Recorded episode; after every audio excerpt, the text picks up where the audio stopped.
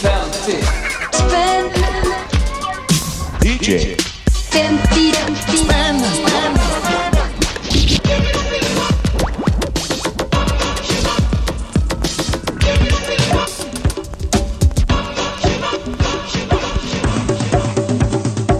Okej, den där lilla samplingsfestivalen med jättebilligt vinylavfall. Eh, det betyder ju att DJ 50 spänn är uppe i cybermolnet igen.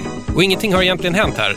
Det är DJ 50 spänn Classic. En gäst kommer hit, får en 50-lapp och shoppar fem stycken loppis eller skivbörsvinyler för det i olika krystade kategorier som jag själv har bestämt. Dagens gäst sitter här mitt emot mig, Anna Bäverfelt.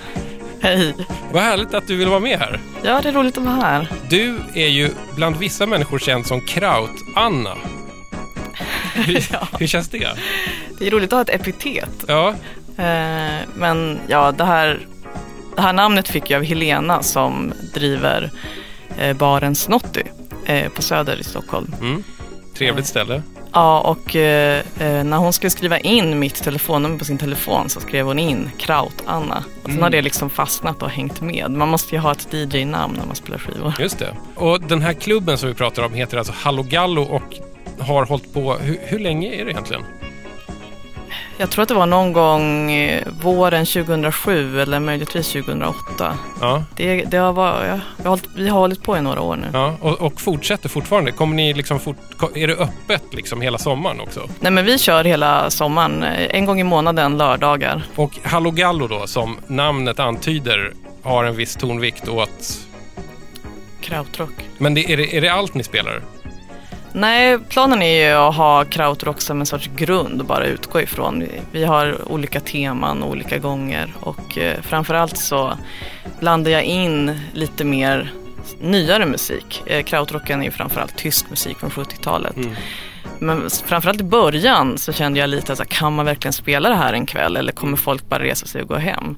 Eh, så därför hade jag som ett tydligt fokus att jag skulle spela även nyare, modernare band som har rötter bakåt eller har blivit influerade på olika sätt av krautrocken. Eh, så det var en ganska lyckad blandning Ja. måste jag säga. Det är rätt många som har kommit fram och undrat vad det är för någonting när man spelar de gamla grejerna och det var väldigt roligt. Vad härligt. Men, men har det aldrig hänt då att någon har rest sig upp och bara gått ut? Nej, det har nog inte det faktiskt. Tvärtom tror jag att det är ganska många är skönt att sitta kvar och lyssna just för att det är musik man vill ta en öl till. Hur kommer det sig att du halkade in på just den här typen av musik? Jag tror att jag halkade lite in på det via att jag började vara lite mer intresserad av eh, lite mer experimentell musik. Kanske att det var så att jag började lyssna på krautrock lite genom postrocken. Mm. Att det på något sätt, den sortens eh, instrumental eh, tjofräs eh, med lite liksom, volym och tempoökningar hit och dit. Eh, blev jag mer intresserad av var de hittat sina influenser någonstans. Mm. Då pratar vi väl sent 90-tal, tidigt, eh, tidigt 2000-tal med de Tortoise motsvarande sådana band som jag har tydliga Mm. influ- influenser av 70-tals, tysk 70-tals rock. Vad är du för någon slags typ när du letar efter vinylskivor? Jag är en sån som väldigt sällan köper spontana skivor utan jag går nog ganska mycket och har vissa skivor i bakhuvudet som jag vill ha.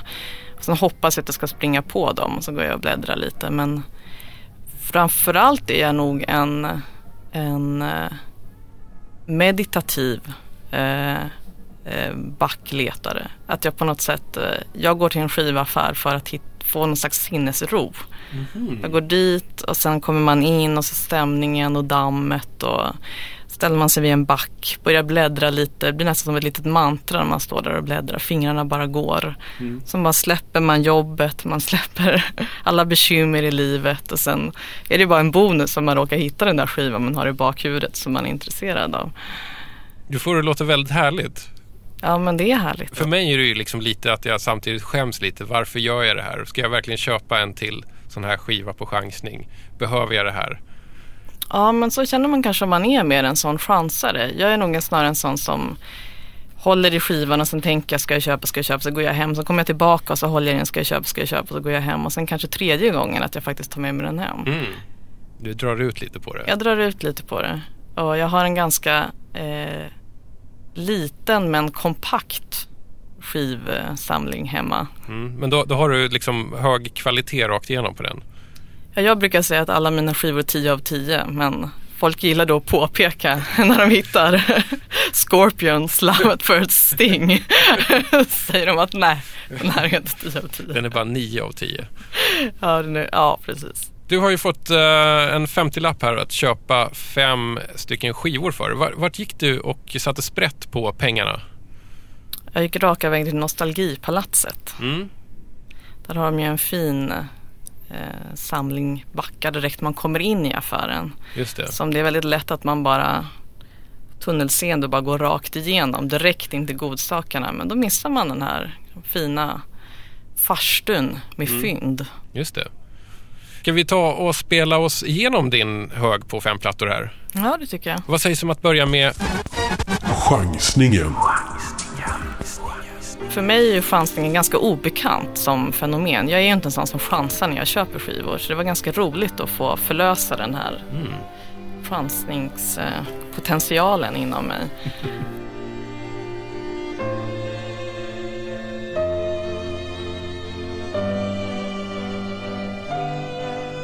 Twas early in the month of July.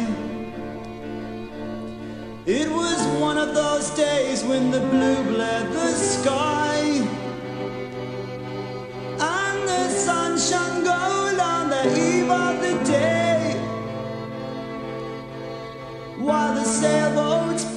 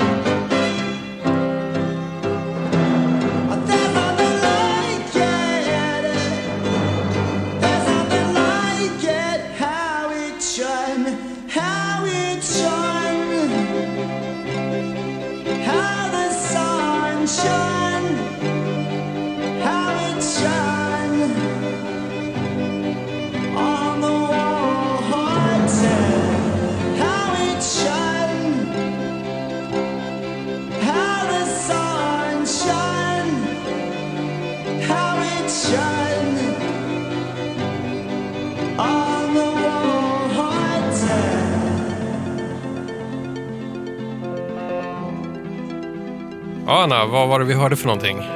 Ja, vi hörde Pierce Turner, ehm, skivan It's only a long way across från 1987. Och, och den här låten heter då... Låten heter How It Shone. Just det. Men de sjung, alltså han sjunger ju verkligen How It Shine, gör han inte det? Jo, eh, det finns faktiskt text. eh, Det finns faktiskt text eh, man kan titta på och läsa texten. Ja. Nu, Eh. jag, har, nu har jag jättemycket frågor. Dels, vem är eh, Pierce Turner och, och så vidare. Men jag ska börja med att fråga helt enkelt varför plockade du upp den här skivan och chansade på? Det kan ju inte varit omslaget som gjorde att jag plockade upp den här skivan för den är ganska intetsägande till omslaget. Ja, Eh, det kan man ju verkligen säga. Det här, det här var väl definitionen av ett väldigt anonymt omslag. Det är liksom lite blått sudd och en liten rand av brunt sudd och sen är det text på som man nästan inte kan läsa för det är ingen kontrast liksom. Det som gjorde att jag föll för den och chansade på den eh, var ju för att jag såg att Philip Glass eh, hade producerat den. Ah, När jag plockade den här så ehm, hade jag ganska nyligen spelat lite Philip Glass. Jag hade Philip Glass tema på klubben när Philip Glass var här och hälsade på i februari. Han var ju här och eh, spelade hela Kojan i Skatsi i Skandinavium. Och då började jag liksom lyssna lite mer i och med det och sen så hade jag en kväll då jag i en timme spelade Philip Glass. Eh, så att när jag tog upp den här så var det bara, men han har gjort så mycket som inte man har någon aning om. Eh, så jag blev lite nyfiken. Hur låter det? Man Mm. Vet ju att han har gjort lite popgrejer ibland Ja. men det här hade jag ingen aning om. Pierce Turner, vem är det? Helt nytt namn för mig. exakt. Men du, in, innan vi går in på vem Pierce Turner är. Hur funkar Philip Glass som eh, barmusik? Hur funkar Philip som barmusik? När jag annonserade att jag skulle spela Philip Glass i en timme. Jag skulle ju spela det samtidigt som jag gick på scenen skulle jag spela Koyani Skatsi. Jag tänkte att jag skulle spela nästan hela soundtracket. Eh, och då så, jag varnade lite om det. Den som ville kunde dyka upp klockan tio istället. Men eh, jag tror att det funkar faktiskt förvånansvärt bra. Det smälter in ganska bra i det jag gör i övrigt. Och jag väljer kanske inte de allra mest svårlyssnade grejerna men han är mer lättlyssnad än vad man tror ska jag säga. Framförallt tycker jag väldigt mycket om hans, eh, han har skrivit en hel del för dans. Eh, In the upper room har jag en skiva som heter som jag tycker är jättebra. Där han har bland annat skrivit till eh, Twyla Tharps hon har koreograferat och han har skrivit musiken till det. Så finns det Glassworks, Glass Pieces och sådär. Och då är det liksom, det blir som mer berättande musik då. Som är betydligt mer lätt att lyssna på än om man bara har ett annat syfte. Du, nu nämnde vi här Philip Glass. Det är väldigt sällan faktiskt som vi eh, åker utanför det här pop, rock, disco, soul, country, dansbandsträsket i DJ 50 spänn. Kan du inte kontextualisera Philip Glass lite grann?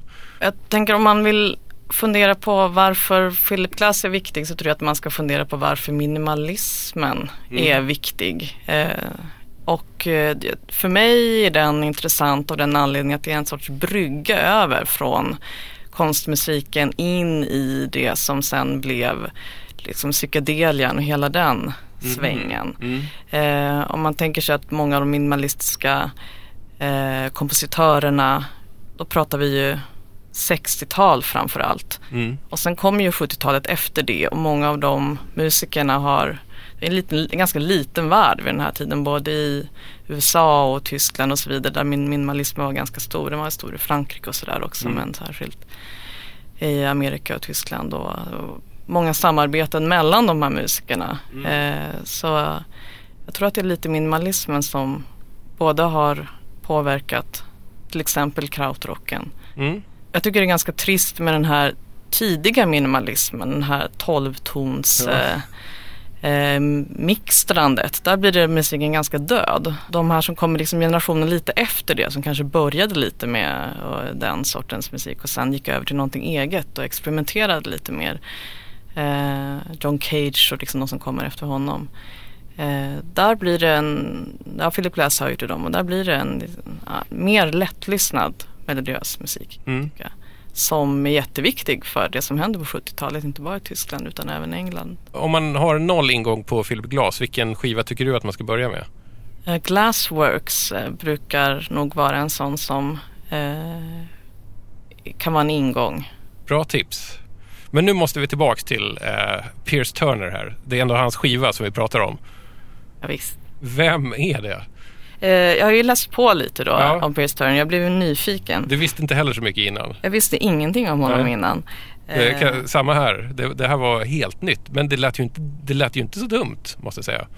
Nej, han sjunger ju väldigt bra i den här låten. Eh, bättre än vad han gör i de andra låtarna. Det var lite därför jag valde den här också. Eh, framförallt så är det så att Philip Glass har inte varit med på alla låtar på den här skivan. Det här var en av de låtarna som man också hör väldigt tydliga influenser från honom i bakgrunden. Pierce Turner är ju en irländsk singer-songwriter och det här är det första soloalbumet han gör. Han har haft någon slags duo tidigare med en kompis. Eh, och eh, han han har släppt en hel del skivor eh, genom åren. Eh, och sen, han, låter, han låter som en irländsk singer-songwriter, låter i vanliga fall. Så det här tror jag är ett litet som steg i en annan riktning. Jag kommer inte ihåg nu hur han och Philip Glass lärde känna varandra. Men eh, det, det är en märklig, eh, ett märkligt samarbete de, mellan de här två människorna. Och just den här låten tycker jag att det funkar jättebra på. Eh, han sjunger ju lite som någon slags eh, Steve Harley, nästan lite Bowie-aktigt ibland. Tycker det kan kännas lite 70-tal verkligen här hur- när han sjunger och får till det riktigt fint i rösten. De andra, då är det mycket mer pubrock över det tycker jag. Så att Pierce Turner gillar att ta sig ett glas också ibland. Ja, han gör väl det. Jag läste på lite om Pierce Turner också för jag, det här var verkligen så här, ingen aning eh, känsla på innan du kom och satte dig här i studion och då fastnade jag för en liten rockhistorisk parentes som tyvärr aldrig blev av. Och det är att 1978 så var Pierce Turner och hans då kompanjon sen tidigare, Larry Curven, blev erbjudna då att att hoppa in i en ny uppsättning av eh, bandet The Ohio Express. Och det är alltså bandet som är, alltså det är One Hit Wonder skulle jag tro. För att den enda låten jag får i huvudet när jag hör Ohio Express är Yummy. Yummy, yummy, I got love in my tummy that your love can't satisfy. Tänk dig att den här härliga irländska singer-songwritern som här, kan tänka sig samarbeta med, med Philip Glass också hade kunnat liksom åka på ändlösa bubbelgum-pop-turnéer och sjunga den här. Han har många strängar på sin, sin irländska harpa. Precis. Men, eh, nej, men jag läste också att en rolig grej var att han har tydligen gjort någon version eh, av Dirty Old Town som även är känd med The Dubliners och Pogues bland annat som har varit med i HBO's The Wire. Det är rätt strångt att få med en låt i The Wire kan jag tycka annars för det är ju en serie som nästan inte har någon musik. Det är väldigt... Ja, det är lite Tom Waits. Ja. Eh, jag kan tänka mig att kanske lite den kopplingen. Ensam man, eh, lite övergiven ensam man.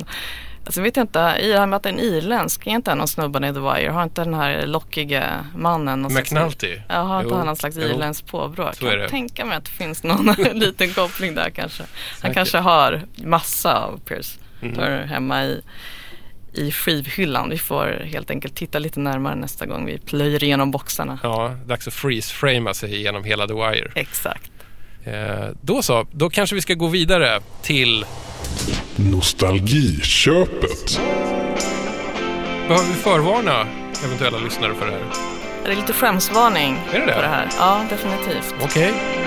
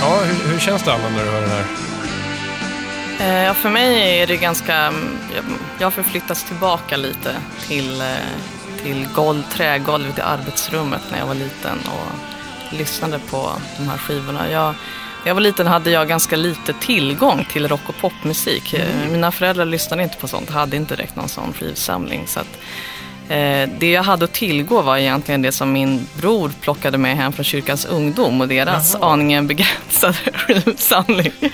Då kan man ju tänka sig att just eh, U2 och de här skivorna som kom i den här tiden, det är ju Rattle Hum såklart Ja. och Joshua Tree, Just det. 87-88. Det här var alltså U2 Angel of Harlem och du har köpt den på 12 faktiskt. Ja, det gjorde jag. Det var det, det var det jag hittade i backen där när jag bläddrade igenom. Och eh, jag kan tycka att det är eh, en lagom dos. Mm. En lagom dos YouTube. I begränsade mängder så kan jag, kan jag också faktiskt stå ut med det. An, annars har det faktiskt varit så här, när, när de har kommit på tal i eh, i 50 spänn så har det faktiskt också ofta varit i hånfulla or- ordalag. Jag, jag kan inte riktigt begripa varför jag avskyr YouTube så mycket. Men eh, ja, jag vet inte. Hur ser ditt förhållande ut till YouTube idag? Eh, idag, jag lyssnar inte så där jättemycket på YouTube. Jag har ju några skivor hemma eh, som jag tar fram ibland. Men då är det framförallt eh, lite tidigare YouTube-skivor. Jag gillar ju Boy och War och dem. De tycker jag fortfarande faktiskt att man kan ta fram och lyssna på. Eh, det är en liten annan sorts YouTube än den här som vi hör här. Ja, just det. Eh, det låter annorlunda, det är rå, ett råare sound. Ja, Eh, det känns ju som att de är liksom kvar i något slags lite mer postpunkigt mörker då. ja definitivt. Och, och liksom det, ja, det, det funkar väl säkert ganska bra. Det som händer här, alltså nu Angel of Harlem till exempel, så här, det är väl att YouTube håller på att liksom formatera om sig till någonting, till ett helt annat slags band. Ja, de hade kanske behov av det vid den tiden. Jag vet inte riktigt. Det kanske skulle vara tråkigt om de fortsatte tugga runt i eh, det soundet som de hade Mm. innan. Men det kan ju hända att de också fick hybris helt enkelt. Ja, kanske det. det men, Bono och hybris, det händer att de nämns i samma andetag ja. Men du, vad, om vi ska backa lite till liksom när, när du hörde den här i arbetsrummet, alltså arbetsrummet hemma. Ja, det var där vi hade eh, stereoanläggningen helt Mhm. enkelt. Så vi hade såna här vet, gul, f- fluffiga, eh, höga hörlurar. Ja, ja, jag vet. Men så- Skumlurar. Just det. De fick jag plugga in då och sen så låg jag där på golvet i arbetsrummet och eh, liksom sög åt mig det jag hittade. Det var U2 och sen blev det Pet Shop Boys lite senare. Och det, jag, jag plockade det jag kunde få tag i på något sätt. Mm.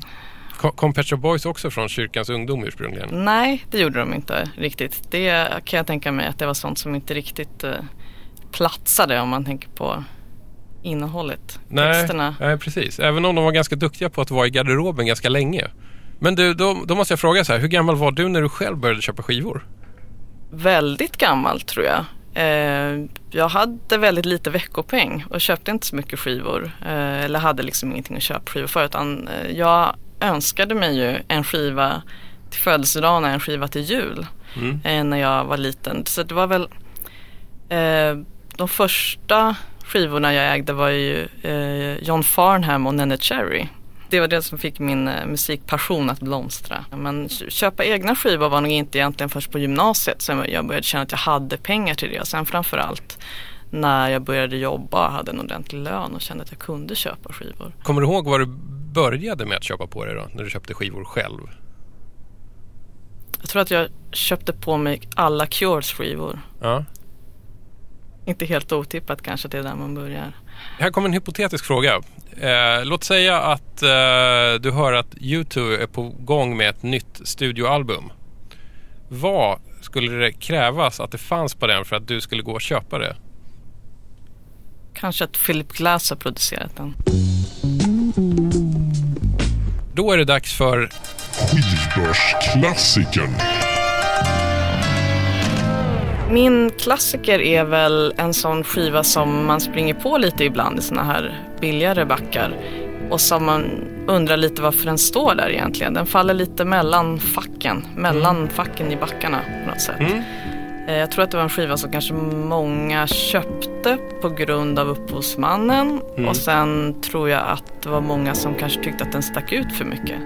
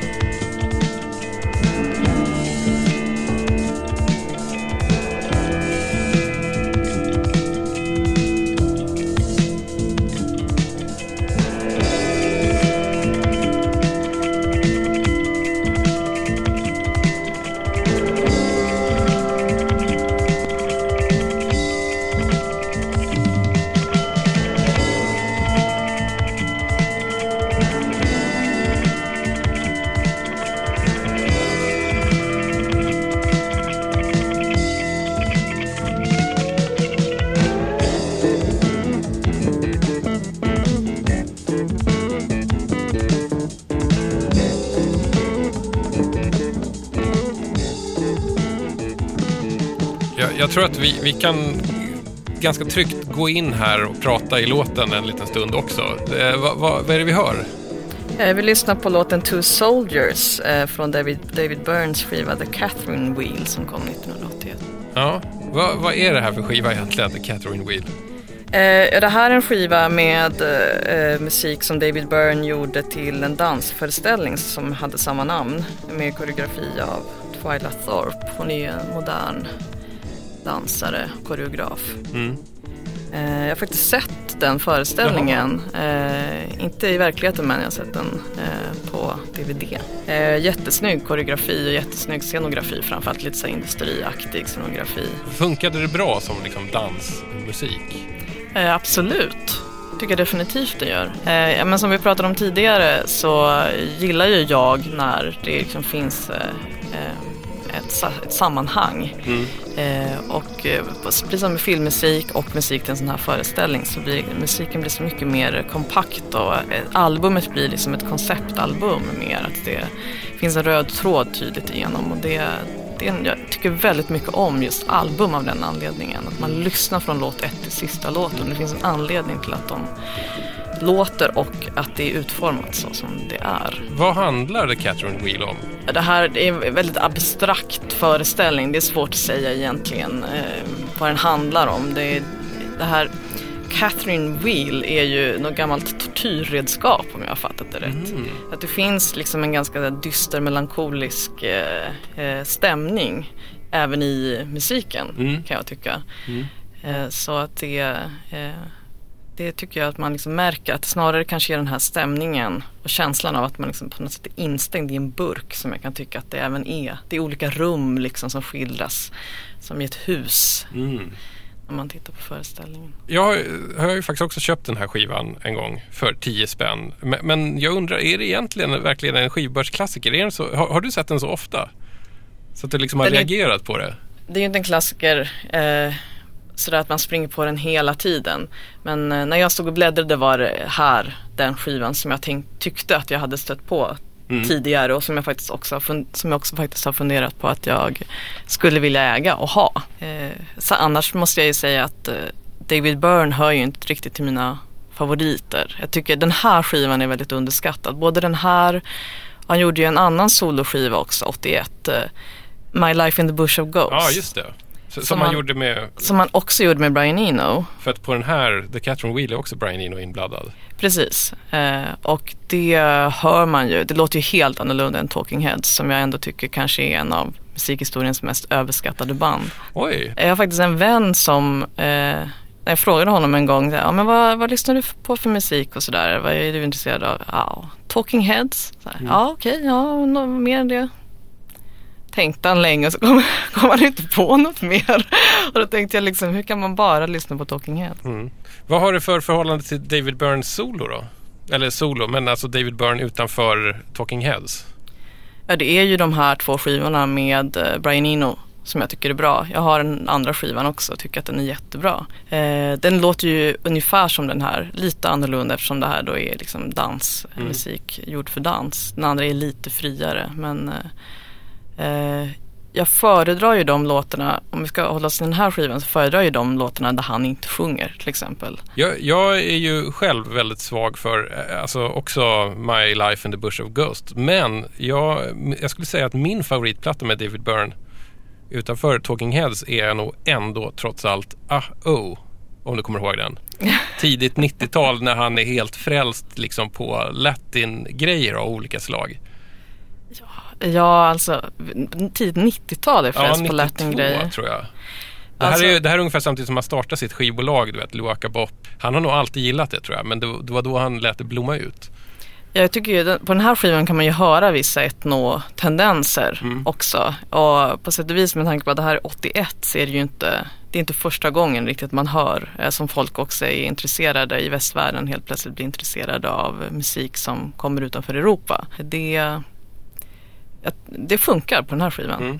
Det, det lustiga var att, nu, nu, nu, nu, bara kidnappar jag äh, Catherine Wheel-plattan här, men det lustiga var att när jag lyssnade igenom den här in, innan inspelning så hittade jag en brygga från den här Catherine Wheel till just David Burns Uh-Oh-platta, David Burns stora Latin-platta. Jag ska, jag ska snabbt här demonstrera. Här har vi då ett spår från The Catherine Wheel som heter His Wife Refused.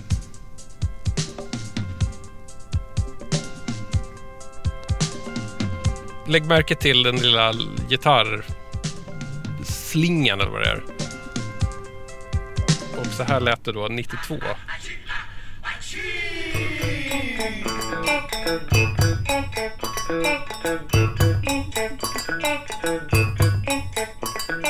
Jag bara snott en liten bit från sig själv för att han tyckte att det var så jävla bra gissar jag på. Fint där med återbruk. Fler borde sampla av sig själva. Jag tror att ganska många gör det också. Det märker man ju ibland när man faktiskt sätter sig ner och lyssnar igenom Mm. eh, en, en och samma artist, ett samma bands skiv, Mm. skivsläpp under många år så märker man ju att det är en del grejer som kommer igen. Jag blev i alla fall glad av att hitta den här röda tråden där. Hittar ni Uh-Oh-plattan i vinylbacken för en billig penning så slå till på den. Det är fantastiska låtar. Men den är ju från CD-eran egentligen så att den kanske inte dyker upp så ofta. Nej, jag har inte tänkt på det. Det finns inga, inga CD 10 spänns backa. Jo, det finns, men jag vet inte om de är nere på... Alltså ärligt talat, jag kollar väldigt sällan. Jag tänker att det mer blir det här ta fem, betala för fyra grejen. Se- Senast jag köpte en begagnad CD så var det någon så här svensk Swindy, du vet, från 93.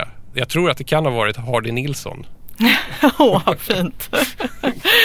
ja, nej, men det finns en anledning till det och det är ju att CD-kvaliteten faktiskt eh, är sämre efter efter tio år är ju en CD-skiva jag har inte alls samma skick som en. Nej, det är ganska sällan de går att spela faktiskt. Ja, och det är väl därför det är väl ganska sunt att inte bläddra i allt för gamla CD-skivshögar. Jag, jag har inte så mycket mer att säga om David Byrne för tillfället här nu, men, men det kanske du har? Nej, jag tycker vi kan gå vidare. Random Access Vinyl. Hur kände du när du fick upp den här? Vilket fynd kände jag. Ja, vad härligt.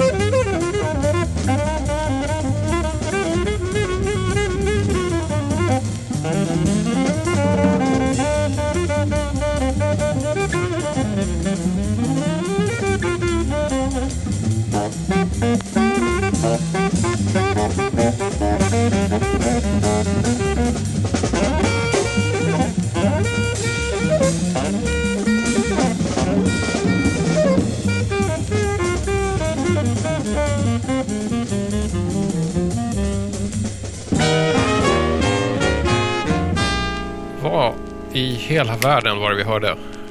Det här är Hacke Björnsten Septett som spelar musik på Jan Johanssons vis. Skivan heter I lur och dur. Vilket fantastiskt namn. Ja, underbart. Fantastisk albumtitel. Och låten, vad heter den? Låten heter The Flying Ananas Bananas. Inte Flying Pineapples Bananas. Nej, den här putslustiga sidan hos Jan Johansson vet inte jag om den är så välkänd. Nej, alltså det, det här fick mig liksom lite att inse att jag kanske är väldigt eh, okunnig om Jan Johansson. För att jag är nog en, en ganska normal svennebanan som känner till de här pianoplattorna. Jazz på svenska, jazz på ryska, du vet som är... Ja, det är ju inte sån här liksom rätt eh, sprittande jazz riktigt. Nej, och det här är ju ett beställningsverk. Eh, så det är kanske lite skillnad när han gör musik åt någon annan än när han gör åt sig själv. vadå, beställningsverk för vadå? Fiffes bananer eller?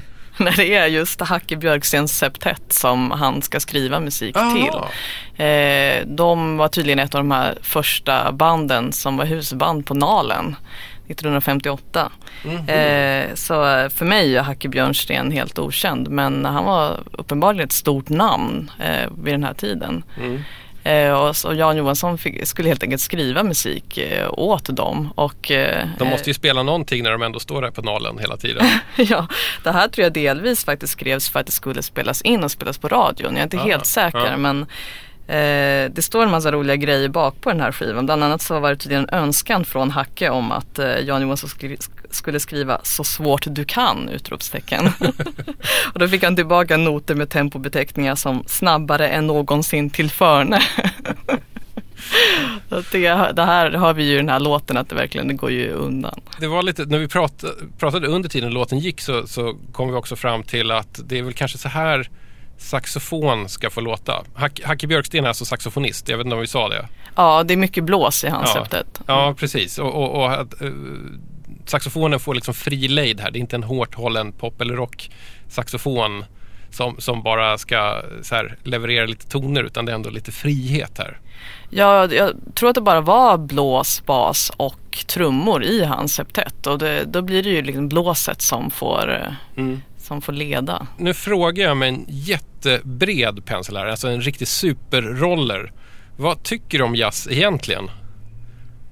Ja, anledningen eh, eh, till att det blev den, eller en, en anledning till att det blev just den här skivan var att jag har länge gått och varit sugen på att lära mig mer om jazz.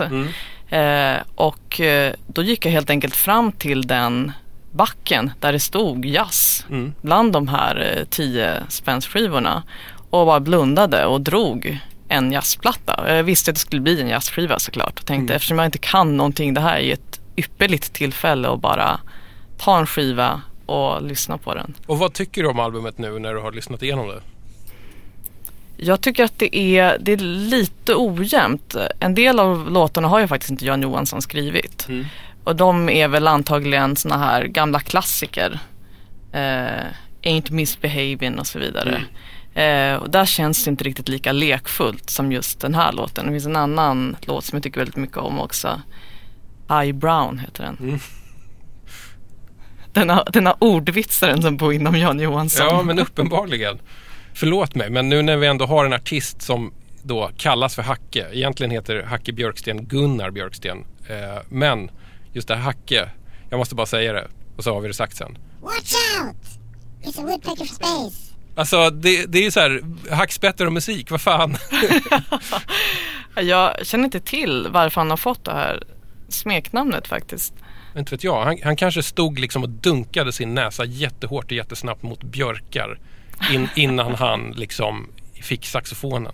Och sen kunde han kanalisera den här liksom hackspetsenergin genom saxen. Ja, man, det måste ju på något sätt ha någonting med hans mus- musikkarriär att göra, Ja, antar jag. Ja. Alltså Hacke Björksten, han är ju fortfarande aktiv såg jag. Han, fyller, han fyllde 80 i år och spelar fortfarande ute hyfsat mycket verkar det som. Ja, det kan jag absolut tänka mig. Just den här septetten lästes ju upp 61. Mm. Eh, Han, han har ett nytt band nu med eh, unga killar som han liksom förmodligen då han driver upp tempot och de får hänga med bäst de kan gissar jag på. Okej, ja, jo, nej, men den här skivan spelades in så var ju septetten redan upplöst. Eh, den här skivan som vi lyssnade på. Vet du vad, vi kan faktiskt gå vidare till, till eh, Fyndet. vad behöver vi ha med oss innan vi svävar ut med den här?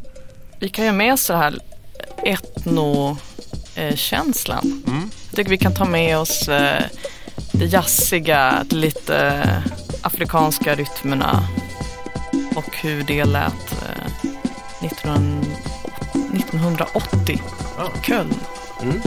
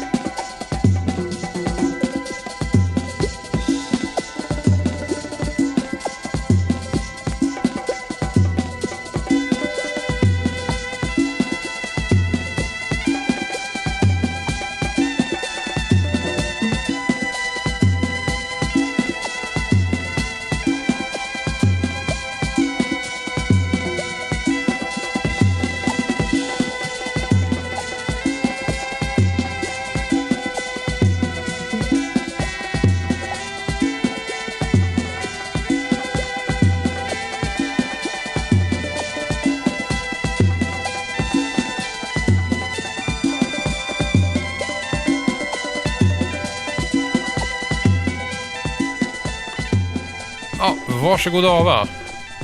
Ja, det här var Latest News eh, med Phantom Band från skivan med samma namn. 1980 släpptes den på Sky. Varför är det här ett fynd, skulle du säga? Eh, det här är ett fynd för att det här är definitivt inte en skiva som jag tycker hör hemma i 10 kronors backen. Du hittade det här, här för en tia. Ja. Det är lite så snudd på amazing måste jag ändå säga. Ja, det är möjligt att det kanske är en lite halvdåligt, ett lite halvdåligt exemplar av Mm. skivan. Eller så är det helt enkelt bara någon som inte har fattat grejen. Vad är grejen då med Phantom Band? Grejen med Phantom Band eh, är egentligen, eh, grejen in, infaller egentligen lite senare tycker jag än just när den här kommer. Det här är, eh, det är alltså Jackie Liebezeit eh, som är trummis i Can. Eh, och så är det lite medlemmar från Dunkelziffer. Eh, och Holger Chukai från Can är faktiskt också med på ett hörn och spelar Occasional Horn. Det tycker jag är lite roligt. Han blåser lite i en lur då, då. I lur och dur med Holger Chukai. Precis. Eh, men eh, de släppte tre skivor, Phantom Band. Det här väl, Phantom Band kan man säga är någon slags förlängning av Can. Tycker jag i alla fall. Eh, där- så som det låter här är ju inte jättelångt från som Can låter på de här sen, lite senare skivorna, So Delight och så vidare. Mm. Out of Reach eh, Ja, eh, senare. Eh, men eh, eh, jag tycker inte att den här första skivan är riktigt helgjuten. Den är ju ett, ett fynd för att kosta 10 kronor men de släpper två skivor till. Eh, Freedom of Speech 1981 och sen den sista som heter Nowhere från 84 som jag tycker är den bästa.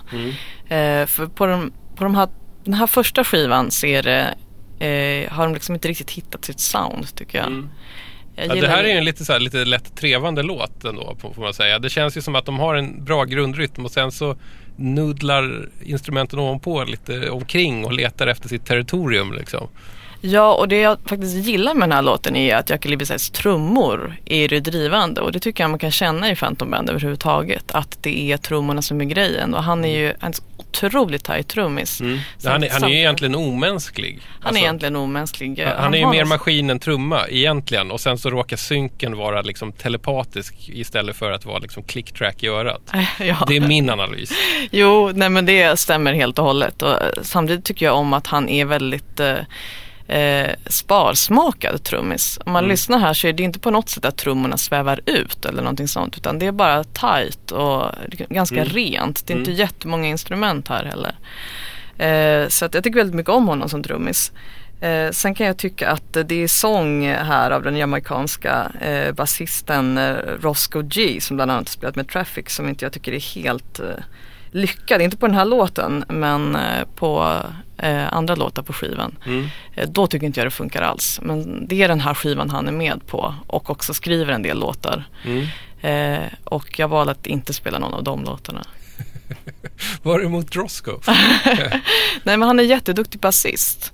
Eh, så det har jag ingenting emot. Men sången blir, funkar inte riktigt med, eh, med eh, soundet i övrigt tycker jag. Det är lite li- smörigt, nästan lite spoken word ibland. Jag tycker jättemycket om när de här etnovibbarna liksom får vara där och skapa stämning. Och att det inte kommer någon som ska snacka till. Det är liksom som om någon skulle komma fram och hälsa på en i öknen. Det känns inte...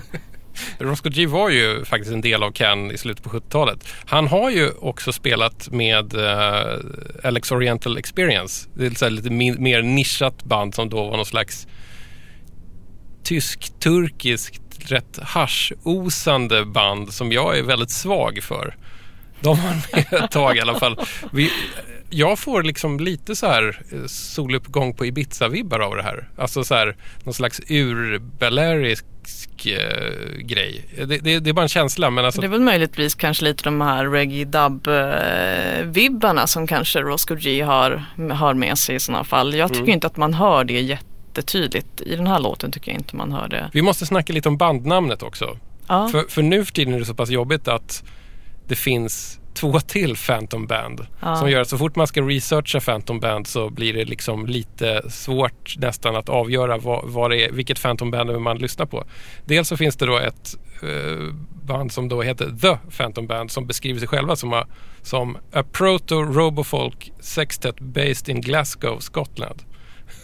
Ja, Har du de- lyssnat på dem någonting? Ja, men de känner jag till. Jag spelade en låt med dem på Allo Gallo för något år sedan eller två år sedan. Eh, och så kom det fram en man och eh, frågade ah, vad var det här var så bra. Och så sa jag, ja, Phantom Band. Och eh, sen kom han tillbaka vid något senare tillfälle och sa, jag kollade upp det här Phantom Band, vad bra det var. Så ah, förstod jag att det var det här Phantom. Band som vi spelade nu, som det var han hade gått hem och upptäckt och tyckte var fantastiskt. Men frågan är ju vad, vad, om, om, om, vad han hade tyckt om han hade hittat det, det, det tredje Phantom Band som då är ett K-pop-band. Alltså ett koreanskt pojkband kan man nog säga att det är. Som också heter Phantom Band. Har du, har du lyssnat på dem någonting? Nej, det har jag inte. Ja, det, jag rekommenderar en liten YouTube-sökning där. Men tror du verkligen att man skulle liksom blanda ihop de två banden? För Nej, det, det, här sk- det skulle vara svår, det svårare. faktiskt- Men å andra sidan så skulle det vara väldigt roligt om det här Phantom Band sen bara försvann ut i boybandlandet. Det hade varit någonting. Men du, eh, om man ska vrida tillbaks lite här. Can, som vi har kretsat kring rätt mycket, som är svårt att, det är svårt att inte prata om Can när man pratar om Phantom Band. Alltså det tyska Phantom Band från tidigt 80-tal. Varför ska man lyssna på Can? För att Can är en jättebra ingång om man är lite intresserad av den här tyska eh, musiken som kom. Eh, som faktiskt var, jag tycker är väldigt banbrytande. Eh, och har betytt rätt mycket för särskilt rockens utveckling. Vad som hände med den på 70-talet. Eh, På, på vilket sätt banbrytande? Det fanns ju en känsla i Tyskland vid den här tiden att man ville börja om från början Mm. och hitta ett eget sound. Och det är en fantastisk utgångspunkt för att göra konst på något sätt. Eh, att inte direkt luta sig mot någonting utan försöka tänka, tänka om, tänka nytt. Kan var väl kanske inte egentligen något som symb- symboliserar det mest. Det kanske man kan prata mer om Noi och så vidare. Men Can var ju tidigare, definitivt tidigare än, än Noise. Så att vill man börja lyssna lite så kan man börja gräva lite i Cans tidiga plattor tycker jag. För att det är svängigt, eh, medryckande, eh, otroligt duktiga musiker. Som har influerat så otroligt många i, i, efter dem. En en sak som jag tycker är lite märkligt med Can är att de hade liksom i början två fantastiska sångare som verkligen så här kunde skrika lungorna ur sig och verkligen så här, eh, alltså gå in och peta med en glödhet sticka i själen. Och sen när de sen hade dragit efter varandra, Eller fått sparken. ja, eller fått sparken, så brydde de sig aldrig om att liksom hitta någon ny. Utan då är det liksom lite så mumliga försök till sång från ingen som egentligen känner så mycket för att sjunga känns det som på senare Can-plattor. Och kanske att sången också hade börjat bli lite Överflödig. eh, överflödig och framförallt kanske det inte var jättepoppig. Så man tänker sig att så här, nu börjar kraftverk slå igenom. Och den sortens eh, musik som är inte riktigt, eh, sången har inte samma framträdande roll längre. Och, eh, men sen kan jag också tänka mig att har man spelat in några skivor med Damo Suzuki så kanske man tycker att det är skönt att ta en paus. Ingen fler sångare. Nej. Ja, det är en eh, order till alla som lyssnar på det här. Att har ni inte lyssnat på Canon så är det fan med dags nu. Men tyvärr så hittar man väldigt sällan Can-skivor för 10 kronor. Så då får man gå upp i prisklass lite grann. Eller så kan man ju faktiskt köpa någon av de här ny, nyutgåvorna. De, de, Det är sant. Men vet du vad jag har tänkt med dem, i alla fall de som har kommit nu på sistone på vinyl? Det är ju att, att liksom reproduktionen av omslagen är så dålig. Det ser ut som att de bara har tagit en snabb bild med digitalkamera och smackat på ett vinylomslag och så, ser, så här, kollar man på det så bara, det ser ju för jävligt ut. Men det är väl säkert som man har gjort. Det är något som är typiskt för eh, de här banden på 70-talet var att de var inte jättenoga med det. De, de sparade ju inte så mycket grejer och eh, de hade inte direkt något arkiv där de sorterade in sina inspelningar eller I, inte, inte ens tyskarna hade det. Det, det. Vi kommer tillbaka till det. Här, det här har varit ett ämne som har dykt upp i tidigare DJ 50 spänn. Att, att myten om den ordningsamma tysken, den håller inte. Det är ett land av superflummare. De solar nakna på lunchen. De gillar liksom alla former av alternativ medicin. Barerna stänger inte. Det är, liksom, det är ett land som är Alltså vi, vi har bara köpt en myt om att de är liksom ett så här ingenjörsland. Det är det inte. Det är, ett, det är liksom sydländskt kaos rakt igenom ja, Det var och skönt att säga. lyssna på Kraftwerks första skivor. Nu börjar liksom det lida mot slutet här. Mm. Jag hoppas att du är förberedd på vad som kommer nu. Nej, Det blir mer Västtyskland. Okej. Mm. Det är nämligen så här att varje avsnitt avslutas med att jag bjussar gästen på en låt. Åh, vad roligt. Och det är alltid av en eh, person som gärna kallar sig själv för The Gentleman of Music. Okej, Uppfinnaren av partysoundet. underbart. Eh, Det är inte Giorgio Moroder vi pratar om. Nej, det är, inte, det är verkligen inte Giorgio Moroder. Eh, men eh, medan jag lägger på din eh, hejdå-låt framförd av James Last och storband så ska jag tacka för en intressant samling skivor. Väldigt roligt att ha dig här i studion. Ja, det var jätteroligt att vara här. Tack för att du var med. Tack själv.